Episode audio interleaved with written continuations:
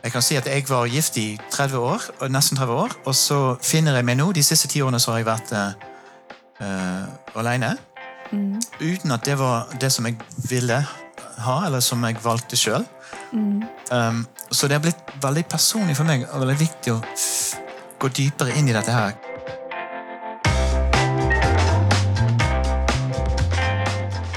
Kan man være lykkelig som singel, eller må man finne noen å dele livet med? I kristne kretser kan det virke som om selve meninga med livet er å gifte seg og få barn. Og om man ikke klarer det i hermetegn, så er man ikke i mål, kan mange føle på. Men er det egentlig kristent å tenke på denne måten? Har vi kristne og kulturen vi lever i, gått sammen om å glorifisere tosomheten?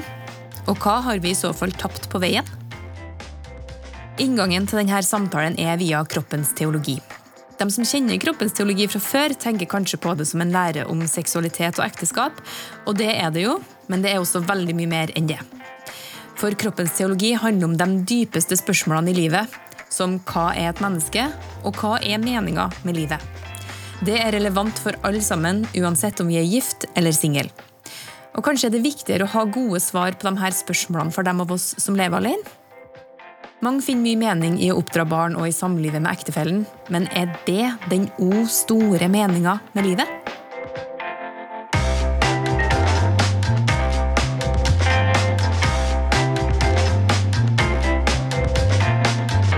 For å snakke rundt det her har jeg besøk av Erik Anvik. og Han er førsteamanuensis ved Norsk lærerakademi i Bergen. Og Han er også katolikk og kateket ved St. Pauls katolske menighet i samme by. Og Grunnen til at jeg går til katolikkene når det kommer til det her, er jo at hele kroppens teologi kommer fra pave Johannes Paul 2. Og det er derfor naturlig at de som vet mest om det her, og er best på det, også er katolikker.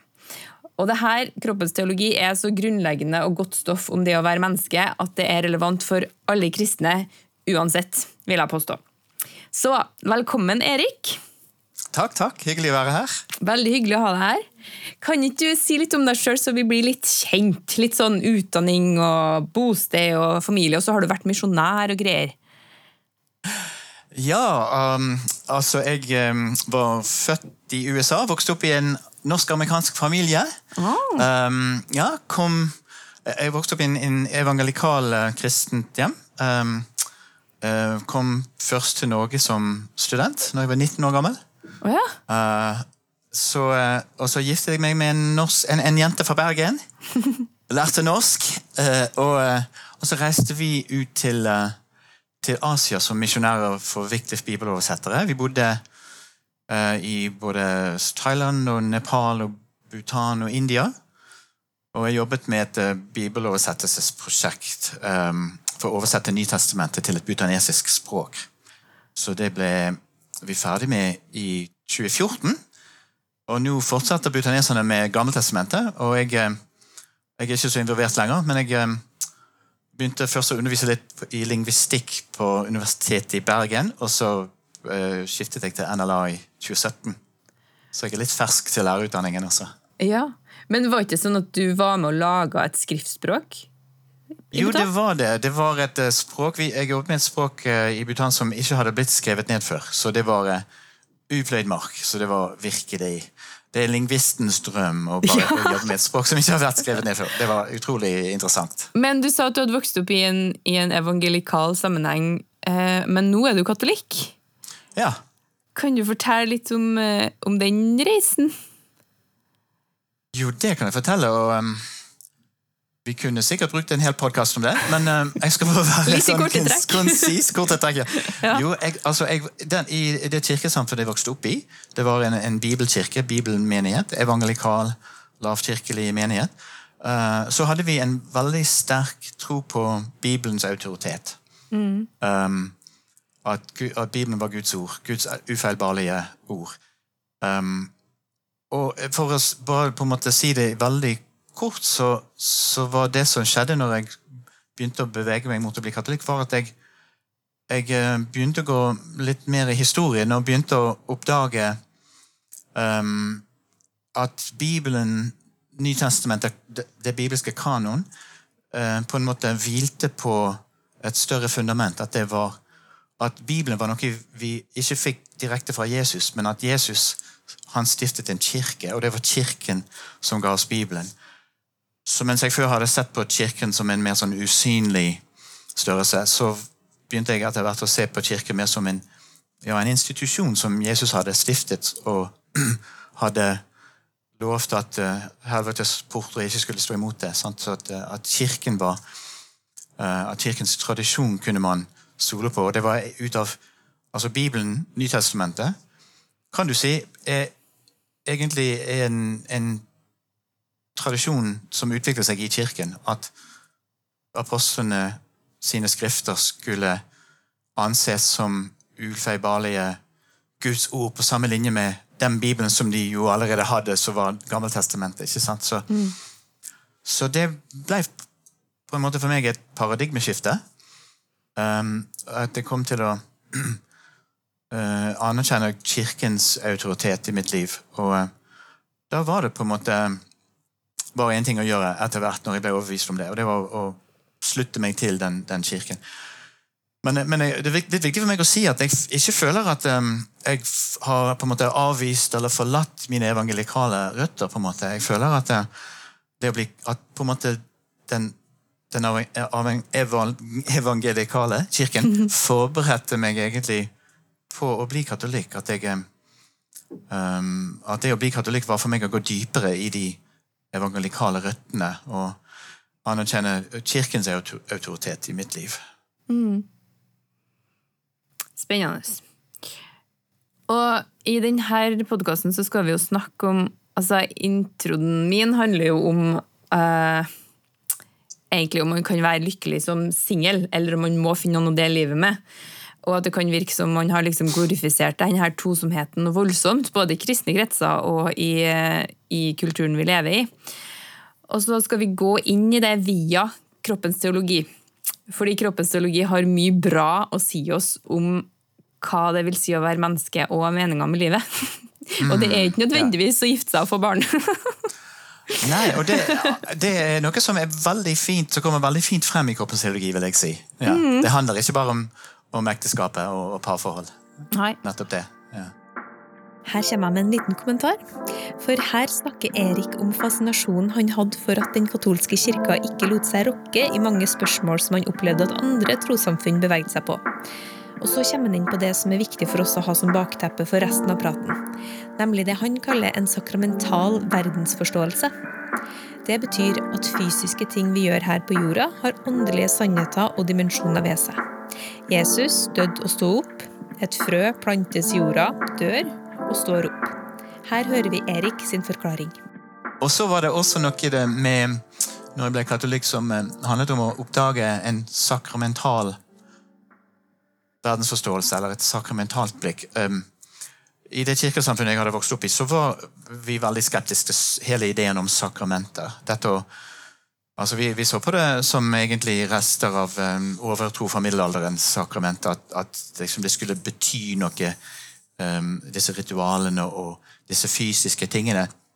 Men, men, en del av min ferd mot den katolske kirken var å uh, komme til en annen forståelse av sakramenter og, og se at um, det egentlig gir veldig mening at Gud bruker materie, Gud bruker materielle ting. Han, han, bruker, han måtte ha en kropp for å frelse oss, ikke sant? Mm. Og, og, det er kroppen vår som, vi, som skal oppstå, og, og vi, møter, vi må ha en kropp for å møte Gud og møte hverandre. Um, vi kjenner Gud gjennom kroppene. Så, så kroppene våre er i, i dette uh, sakramentale synet uh, så, så, bruker Gud fysiske ting. Um, og det inkluderer også kroppene våre. Um, vi ser hvordan han Når han helbreder, når Jesus helbredet, så brukte han ofte ting. Han tok på folk, eller han brukte ja. leire eller vann eller forskjellige ting. Så, så det var på en måte også et stort paradigmeskifte. Og da når du snakker om ja. sakrament, så er det, det er typ liksom nattverden og andre ting? Ja, altså i, luthersk, i den lutherske kirke så har man nattverd og eukaristien, altså kommunion som sakramenter. I den katolske kirken så, så har vi syv sakramenter, og, og ekteskapet er ett av de. Ja. Så her har du det, det kroppslige sant, i, i ekteskap, forening av to kropper. Um, Og så, eh, i tillegg til dette med at Gud bruker materie eller fysiske ting for å virke gjennom, um, så var det også dette med at sakramentene er bilder som peker mot en større virkelighet. At alle sakramentene er på en måte uh, symboler eller ikoner eller bilder som peker på ting. Så eksempel vann uh, i dåpen er et, en fysisk ting som peker på en, en evig guddommelig virkelighet, at vi blir renset for våre synder. Og brød i sakramentet er en fysisk ting, men det peker på åndelig næring, at vi må ha Jesus for å, for å leve. Og, og vin også eh, som en fysisk ting, men som peker frem mot, mot eh, den store bryllupsfeiringen i himmelen. Sant? Bryllupsfest, Lammets bryllupsfest. Glede og feiring. Så. Og, og ikke bare de, de som, ting, tingene som vi tenker på som sakramenter, men også hele kosmoset, egentlig, hele universet, har en slags sakramental betydning. Um, så vi ser Gud overalt i, eh, rundt oss. Vi ser altså I vekslingen mellom natt og dag sant, så ser vi på en måte oppstandelsen. Ja. Et frø som går ned i jorden og spirer, mm. dør og så står opp igjen. Så, og, og, så, det, så det gir utrolig mening til alt det fysiske, alt det, det jordiske rundt oss. Og så er også kroppen et sånt bilde. Kroppen peker også frem mot en evig guddommelig virkelighet. Og det var det som jeg syntes var så fascinerende om kroppens teologi. Ja, det er fascinerende, for det gir jo mening at en gud som på en måte har blitt fysisk og skapt det fysiske universet, også snakker til oss gjennom det fysiske. på en måte. Ikke sant? Ja. Det, det fysiske er viktig for Gud også. Betyr noe. Han vil bruke det. Ja. Han, altså, at, det, at det ikke bare, bare var et innfall. Dette var noe som slo meg. Det var ikke slik at Gud um, lurte på hvordan han kunne kommunisere eh, sin frelse, og så tenkte han å ja, brød det kan jeg bruke som et fint symbol på åndelig næring. Men det var heller motsatt. at Han, han skapte brød med nettopp den hensikten. Ja. Med å, å bruke det som et tegn. Ikke sant? Det gir utrolig Ja. mening til alt det fysiske rundt oss. Sant? At det ikke bare var et innfall, men det var en mening fra begynnelsen. ja. Og sammen med kroppene våre. Og mitt neste spørsmål er egentlig i dine ord, hva handler kroppens teologi om? Men du har jo egentlig sagt litt om det nå, da. Men vil du, vil du liksom si noe mer? Kroppens teologi eh, Det kan høres ut som man skulle tenke at det var te teologi om kroppen, men det er egentlig eh, teologi av kroppen. Ja. For å si det veldig sånn i et nøtteskall. Det er kroppen som forteller oss om Gud. Kroppen forkynner for oss.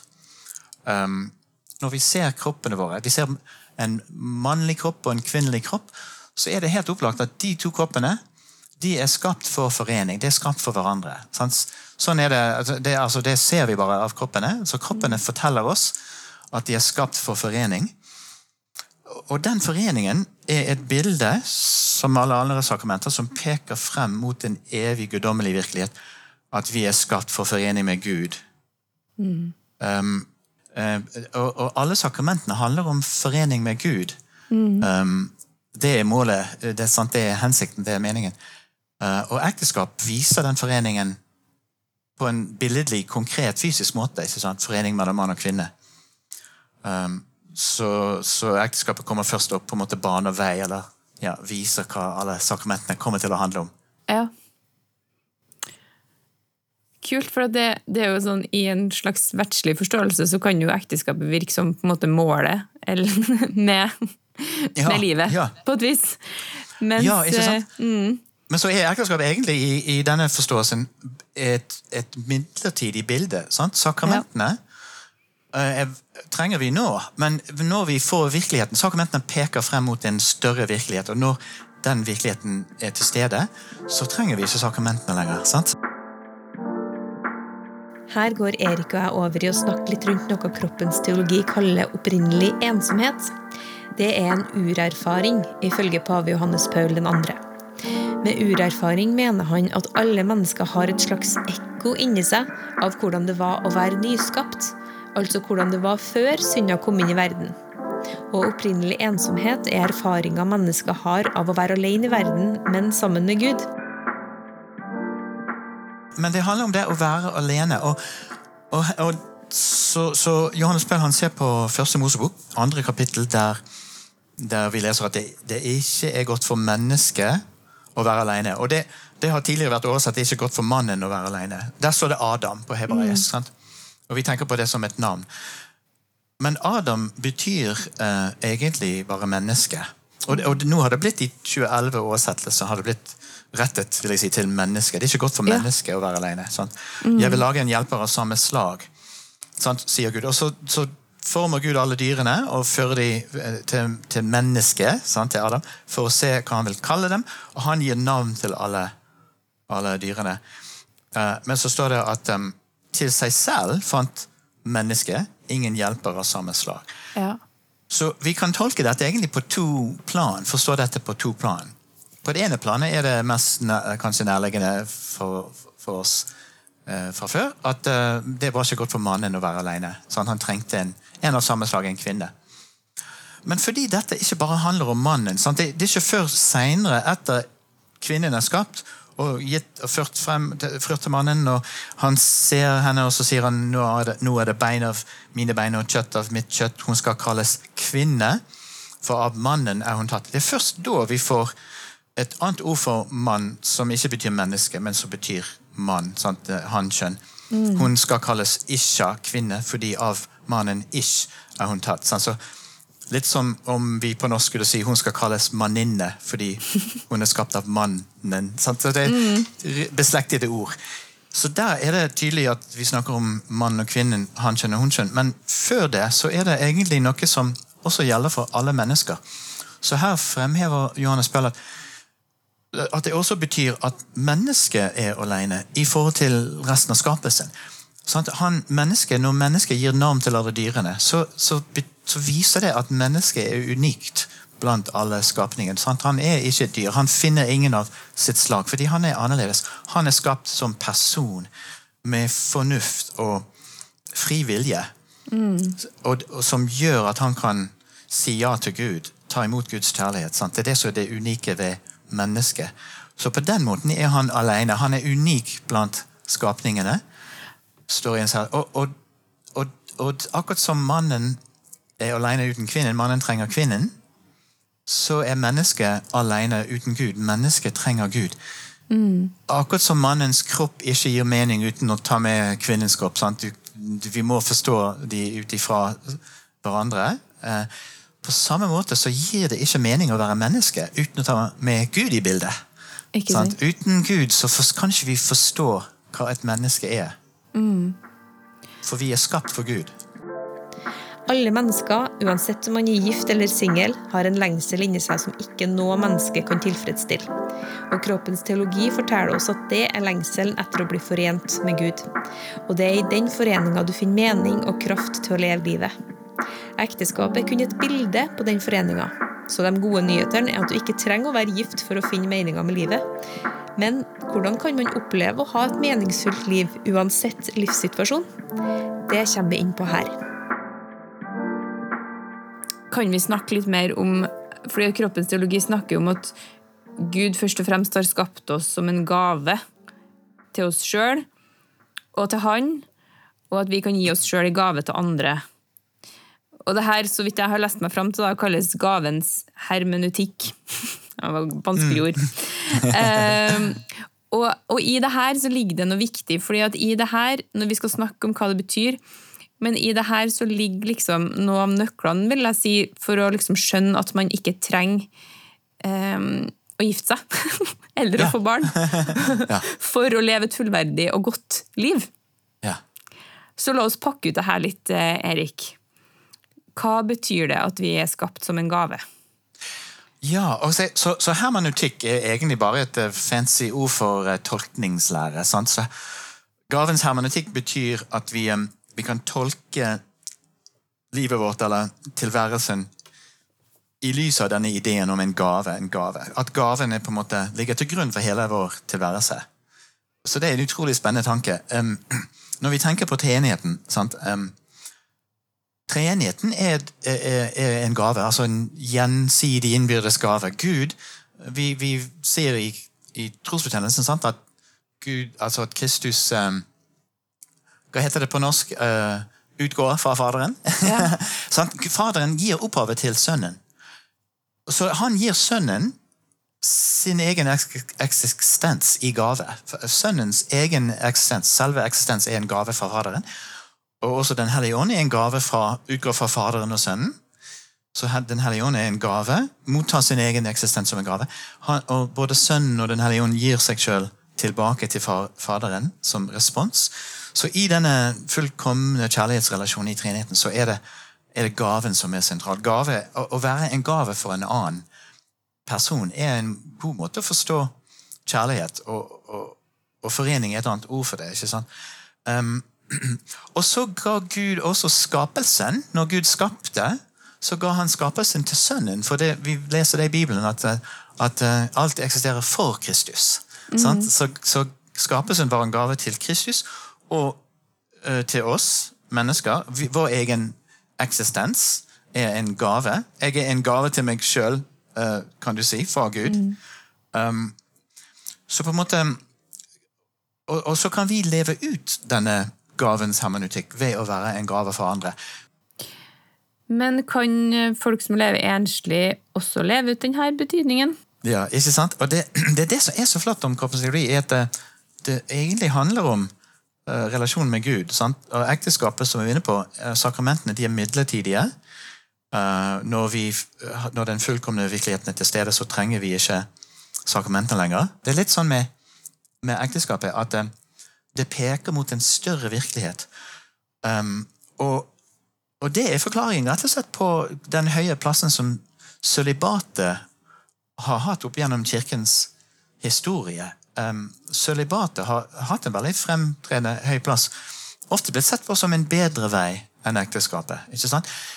Men det er nettopp fordi sølibatet Det er egentlig kroppens teologi som forteller, viser oss hvorfor sølibatet var så viktig. fordi når man velger et liv i sødebat, sånn som ordensmennesker, ordensfolket, brødre eller søstre eller prester gjør, så har man eh, valgt å avstå på en måte fra det midlertidige, det bildet, det sakramentet, og gå direkte på en måte til det som er virkeligheten bak bildet, kan du si. Ja. Foreningen med Gud. Så, så man vitner med sitt liv eh, betydningen av kroppen, men på en profetisk måte frem mot det det egentlig handler om, som er Ja. foreningen med Gud. Så, så det gir mening til, til hvorfor sølibatet har vært så viktig. Um, men det er også en utfordring fordi jeg tror vi, vi har sett en reaksjon i dag at uh, folk tror at sølibatet var fremhevet fordi det var, altså, kirken ikke likte sex. At sex var noe som var litt sånn stygt eller dårlig. Og det har det også vært opp gjennom kirkens historie så har det vært noen som har uttatt seg på den måten, så man kunne få det inntrykket. Eh, men egentlig så er sølibatet viktig fordi det, er, det viser betydningen bak ekteskapet. Så det, men, men så har vi fått en reaksjon på det nå i dag, slik at, eh, at ekteskapet fremheves. Eh, Ja.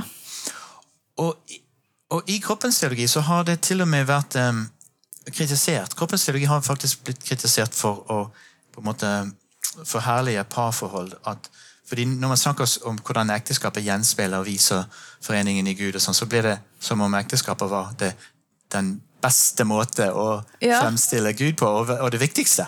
Ja, Men- men det bare, Nei, bare, bare skyter inn at, for at eh, det står jo at liksom, mannen skal forlate sin far og sin mor, og de skal være én kropp og, og liksom endelig bli hel, på et vis.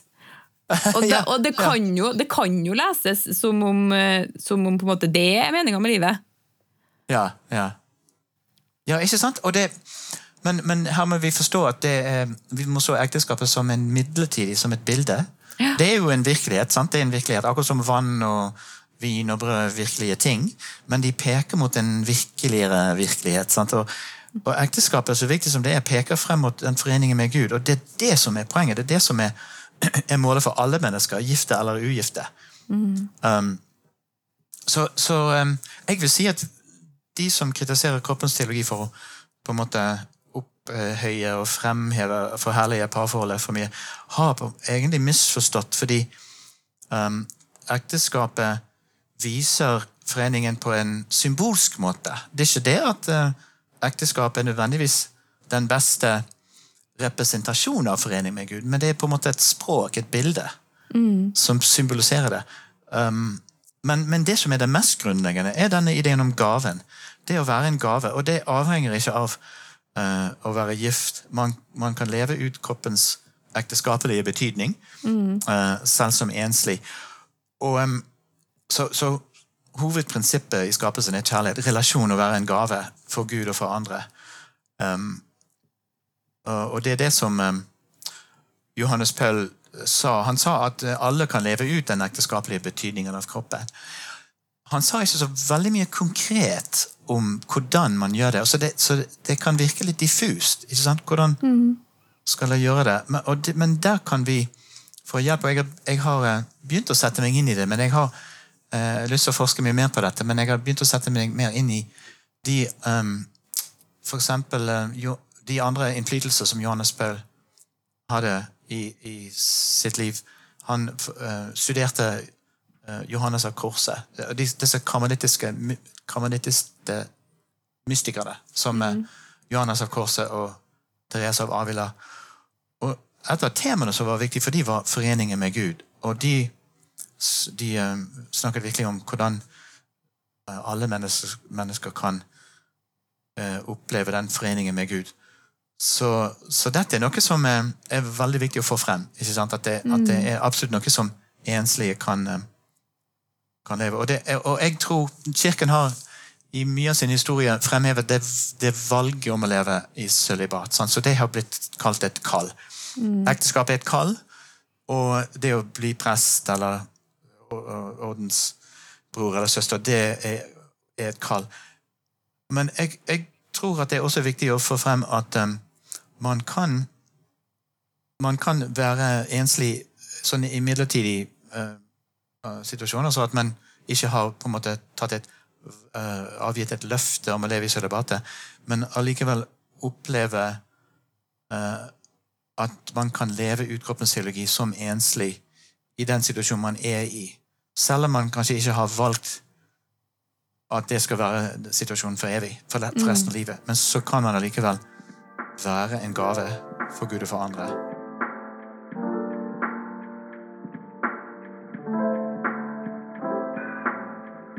Jeg kan si at jeg var gift i 30 år, nesten 30 år, og så finner jeg meg nå De siste ti årene så har jeg vært uh, alene.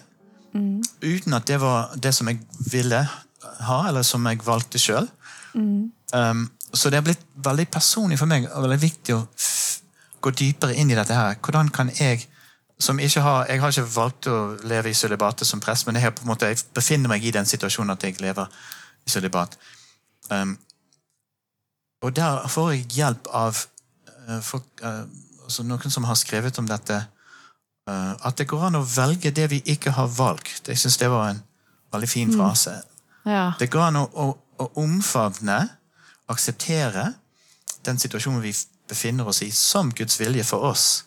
Selv om vi kanskje ikke har valgt det. Og dette tenker jeg er utrolig relevant for, ja, for, for veldig mange enslige. Folk som, sånn som meg, som ikke ser noe uh, partnerforhold i, for, i fremtiden.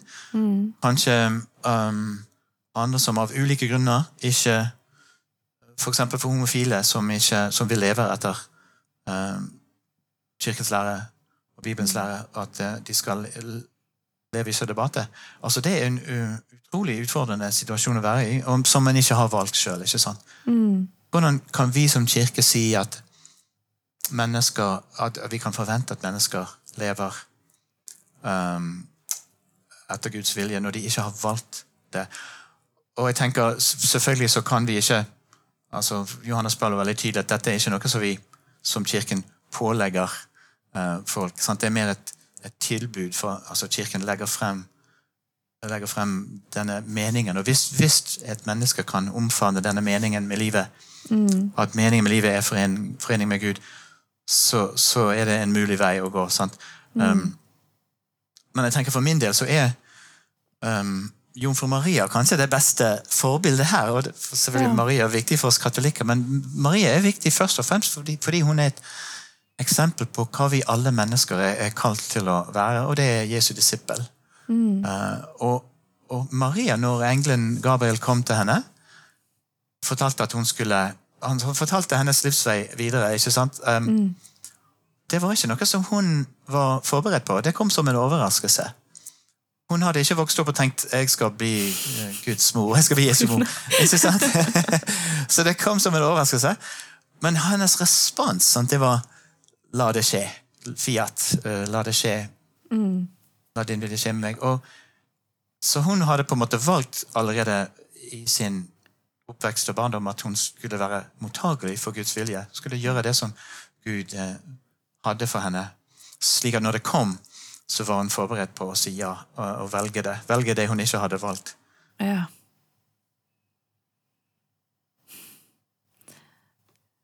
Det er en eh, fin eh, setning, altså. Å velge det du ikke har valgt. Ja, og det um, Det kan også høres ut som uh, et skikkelig sånn løft. Man må virkelig ok, øve masse disiplin. Man må bare liksom bite i det og gjøre det. sant? Så her er det tror jeg viktig, og det har vært viktig for meg å, å uh, få frem at eneste måte jeg kan gjøre det på, uh, er å ta imot gaven fra Gud. Altså, jeg, jeg kan ikke bare være en gave til andre mennesker. Um, uten at jeg først får motta Guds gave til meg. Sant? Det avhenger av det. Um, jeg tror jeg må begynne der. Uh, og, og, og, dette prøver jeg, dette jobber jeg med. dette prøver jeg, altså Det er virkelig et sånn work in progress. Jeg prøver å la, la um, min egen eksistens, sant? Mitt liv, være en gave. Skjønne at det er Guds gave til meg. Det at jeg er til. Det at Gud skapte meg. Og at han frelste meg um, og ta innover meg at det er en gave. Hver dag er en gave, hvert øyeblikk jeg er i livet er en gave. Um, det, gjør, det, er noe som kan tror jeg, gi mening og prege hvordan jeg lever livet mitt. Og så det at Gud også lengter etter meg. Ja. Jeg har fundert veldig mye på hvordan, hvordan kan vi elske Gud. Altså det, for meg virker det veldig diffust. Sant? Jeg har Ja. jobbet hele livet med å prøve å se hvordan kan jeg oppleve at relasjon med Gud er, er det viktigste. Ja. Uh, og jeg, eh, en ting som, altså Jeg føler at jeg har så lang vei å gå med dette, og, men jeg vil jobbe med det. Og en ting som uh, har betydd mye for meg, er å tenke at um, Gud lengter etter meg. Det er ikke bare det at Gud på en måte har denne agape-kjærligheten, at han bestemmer seg for å være glad i meg, men at det faktisk er noe i meg som er verdt å elske. Som Gud ser i meg. Sant? det, er så, det er så flott tanke. Ja. At han lengter etter meg. eh, det fordi I et parforhold sant, så betyr det veldig mye om du vet at den andre lengter etter deg. At de er virkelig Ja. glad i deg. Sant? Det er noe av det fineste. Så, så, men at man kan ha det med Gud også um, det, det er noe som jeg prøver å bli bevisst på og, og huske på og oppleve i hverdagen. Og når jeg er alene og tenker på, um, på Gud, så, altså, så gir det veldig mening å på en måte gå tilbake i livet mitt og tenke på at Gud har vært med meg. Sant? I mitt tilfelle så har Gud vært med meg hele livet. Sant? Jeg har vært kristen hele livet. Alle de minnene og erfaringene jeg har, så har Gud vært, vært i det. Sant? Så når jeg snakker med Gud, så, så kan vi på en måte mimre sammen, for å si det litt sånn, sånn enkelt. Eh, ja. Nei, så det jeg, jeg vet at det er litt diffust, um, men, um, men jeg tror det er noe som vi kan gripe tak i ved tro, hvis, vi, hvis det gir mening.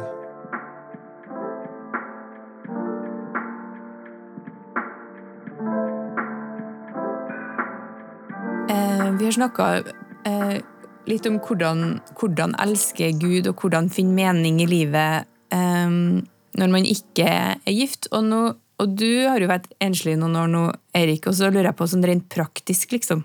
Hvordan har du funnet mening med livet? Mm, ja, ja, ikke sant? Det kan bli litt sånn høytsvevende og teoretisk. og jeg, jeg, jeg føler at jeg jobber veldig med å prøve å tenke konkret og praktisk. Janve, og, um, og det jeg tror det har å gjøre med å se det som, uh, altså, det som jeg kan gjøre overfor for andre mennesker. Jeg snakker litt om det å ta imot Guds gave til meg. En av måtene han gir seg sjøl til meg på, er i andre personer. Sant? Så det å se Gud i andre personer um, det er, det er en utrolig fin ting. Og jeg har fått litt hjelp av um, noen um, katolske søstre på Grefsen, Josesøstrene, som leder retretter eh, om ignatiansk bønn. Uh, og der, uh, der fremhever de altså Vi bruker mange timer til å sitte og bare prøve å kjenne Guds tilstedeværelse. Og vi snakker mye om dette å se Gud i andre mennesker. Um, Det er en del av det hele. Um, så når jeg, når jeg ser barn, for eksempel, jeg er ute og, og ser små barn, så blir jeg bare glad og tenker at det, det er Gud, Guds bilde i de som, som gjør at det er så uh, Det er så fint å se på. Og når, jeg ser par som er glad i hverandre, sånn, så ser jeg Guds bilde i det. Sant? Og bare alt man opplever, naturen, kan man også på en måte ta inn over meg at det, det er Guds gave. dette her, det, det, Alt det vakre og det fine. Skjønnheten. Um, og så dette med, med bønn, som er, med de, disse bønneretrettene der um, praktiserer vi også å, å rett og slett sitte og være i stillhet foran Gud. Vi kan sitte i kapellet og, og eh, se på eksempel um, sakramentet, eller se på et ikone, og bare kjenne at Gud er her. Um, liksom, uten å måtte si så veldig mye, men å øve seg i å være bevisst på at Gud er med meg, at Gud ser på meg. Ikke bare at jeg ser på Gud, men at Gud ser på meg. Det, det fortelles en morsom historie om en, eh, en prest i et kapell i Frankrike som eh, Det var en bonde som han hadde lagt merke til, kom inn hver dag og bare satt i kirken. Og så spurte presten eh, om sider bonden hva han gjorde, så sa han at nei, jeg bare sitter her, og jeg ser på Gud, og han ser på meg. Og, Det er en sånn veldig sånn fin, enkel måte å tenke på det. Men, men det gir så mening at, eh, at Gud er også oppmerksom på meg, at han ser på meg. Det, det er nok i den kontemplative bønnetradisjonen. Um, jeg husker alle når, når jeg var tenåring, så leste jeg en bok uh, av A.W. Tozer som, uh, som het 'Practicing the Presence of God'. Og Det var en utrolig sånn meningsfull bok meg. Jeg vet ikke om den er blitt oversatt til norsk, men han snakket om dette å øve seg i å bare kjenne at Gud er med meg, at Gud er til stede. Bare og?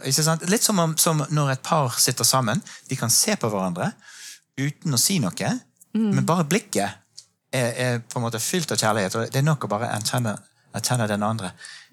Den andres tilstedeværelse. Så, så det kan vi gjøre med Gud, og det prøver jeg å øve meg i. Uh, og ikke glemme Gud i løpet av dagen, men å bare uh, kjenne at han er til stede i alt. Så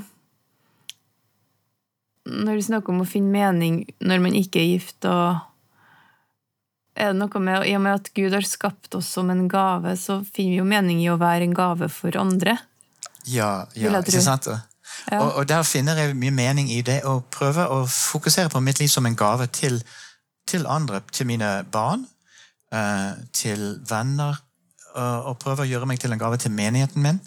Sånn, så den, de ulike tingene jeg gjør i menigheten, og jeg er litt involvert i Caritas Bergen, um, det, det katolske, den katolske uh, hjelpeorganisasjonen, det opplever jeg som utrolig meningsfullt, fordi det handler om å gjøre seg selv til en gave til andre mennesker. Mennesker som trenger det. Uh, så det gir på en måte et helt nytt, uh, større lag av mening til den tjenesten jeg kan gjøre i, i menigheten. Og som jeg også som eneste har mer tid til å gjøre uh, enn en folk som har familie og barn og det hele. Mm. Ja, så det å, å være en gave, og først ta imot Guds gave til meg, men også gjengi ved å være en gave til andre mennesker i ulike sammenhenger. Det, det gjør livet meningsfylt. Og jeg tror det her er så eh, viktig å snakke om, Erik.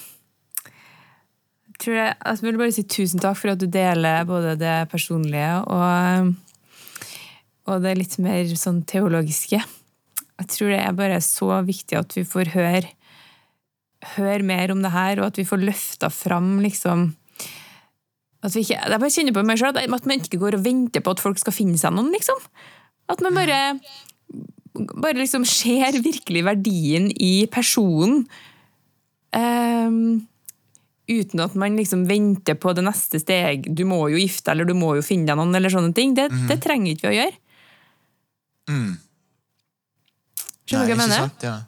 ja, ikke sant? Det, uh, jeg, jeg tenker, og det, og det er en del som blogger og skriver litt om, om dette, denne tematikken nå, at det, det har blitt for mye fokus på parforhold. Og det, det er jo naturlig og forståelig sant, at det er fint. Uh, det er kjempeflott. Og det, er jo, det, skal være flott fordi det er et bilde på foreningen med Gud. Men mm. det kan hende vi har mistet litt av fokuset. Um, at det egentlige målet med livet, egentlige meningen med livet, er den foreningen med Gud. Og det er klart at det, det er utfordrende, fordi um, vi kjenner disse lengsler. Sant? Vi kjenner mm. at vi lengter etter eh, annen, et annet menneske sant? her i kjøtt og blod, i dette livet. Ikke sant? Og det, mm. selvfølgelig gjør vi det. Um, og der tenker jeg at vi også ved, ved hjelp av troen, ved Guds nåde, kan bruke de lengslene, eller kan, kan kanskje se de lengslene, lengslene vi har etter kjærlighetsforhold, i et litt annet lys. Um, at de lengslene er også noe som peker frem mot Gud. Sant? Vi, um, som hjorten lengter etter, etter bekker med vann, lengter min sjel etter deg, min Gud, som det står i Salme 42. Mm. Vi, uh, vi, vi, vet at vi, det vi egentlig lengter etter, det, vi, det, eneste som egentlig kan oppfylle oss, kan tilfredsstille oss, er kjærligheten, er Guds kjærlighet, relasjonen med Gud, foreningen med Gud. Mm. Um, men selvfølgelig er det de, de konkrete jordiske lengslene vi føler, er selvfølgelig det mest virkelige for oss sant nå. Mm. Um, men jeg tror kanskje Det er litt interessant. Jeg har um, jeg jobbet med i et, en, en, buddhistisk folkegruppe i Bhutan. Og buddhismen har en Jeg har, jeg har kommet til å sammenligne tenke litt på den, det forholdet som buddhismen har med lengsler og, og moderne, det moderne samfunnet, hedonistiske samfunnet. Og begge to på en måte avviser lengsler, men på litt forskjellige måter. Sant? Lengsler, Uoppfylte lengsler. I buddhismen så eh, skal man bli kvitt uoppfylte lengsler fordi man skal bli kvitt all lengsler. Man, alle lengsler. Man skal ikke lengte etter noe, man skal bare følge den um, middelveien, gylne middelvei mellom glede og sorg. Um, i, i, den moderne hedonismen så vil vi også avvise uoppfylte lengsler ved å oppfylle de. Ja. Vi vil ikke ha uoppfylte lengsler, vi vil tilfredsstille alle lengslene våre. Sant? Det er så med meningen med livet. Mm. Men i kristendommen så, er, så, tror jeg at uoppfylte lengsler faktisk har en plass, har en mening. De, Gud vil bruke de. Gud kan bruke de. Um, til å rette oss mot Han, og mot, altså se den lengselen som lengsel etter Han. Og det krever at vi, at vi omfavner det i tro. Mm. Um, uh, men um, men jeg tror det er et ideal. Det er jo klart at det det er, et ideal, men jeg tror det er noe som vi kan søke etter og, og um, Ja. Mm. Og så er det viktig å si at sjøl i ekteskapet så får ikke man oppfylt alle sine lengsler. Nei, ikke sant? Ja, det er jo helt sant. Ja. Sånn og ikke det, det så, ja trenger, det er liksom, Den andre personen i et ekteskap kan ikke tilfredsstille deg fullt og helt. Det er det bare Nei, Gud som kan sant. uansett. Og ikke det ofte det som er problemet i, i parforhold, at vi, eh, vi, forventer for mye av den andre. Sant? Vi forventer ja. at de, de skal uh, oppfylle alle våre lengsler. Mm. Så, så, dette er relevant også for par. Uh, at det er kun Gud som kan oppfylle alle våre lengsler. Våre dypeste mm. lengsler. Vet du, Erik, jeg tror vi avslutter der, altså det her, Nå har det snart gått en time, og det har vært helt kjempefint å prate med deg. Ja. Så tusen, jeg vil bare si tusen hjertelig takk for at du var med i Sendepodden.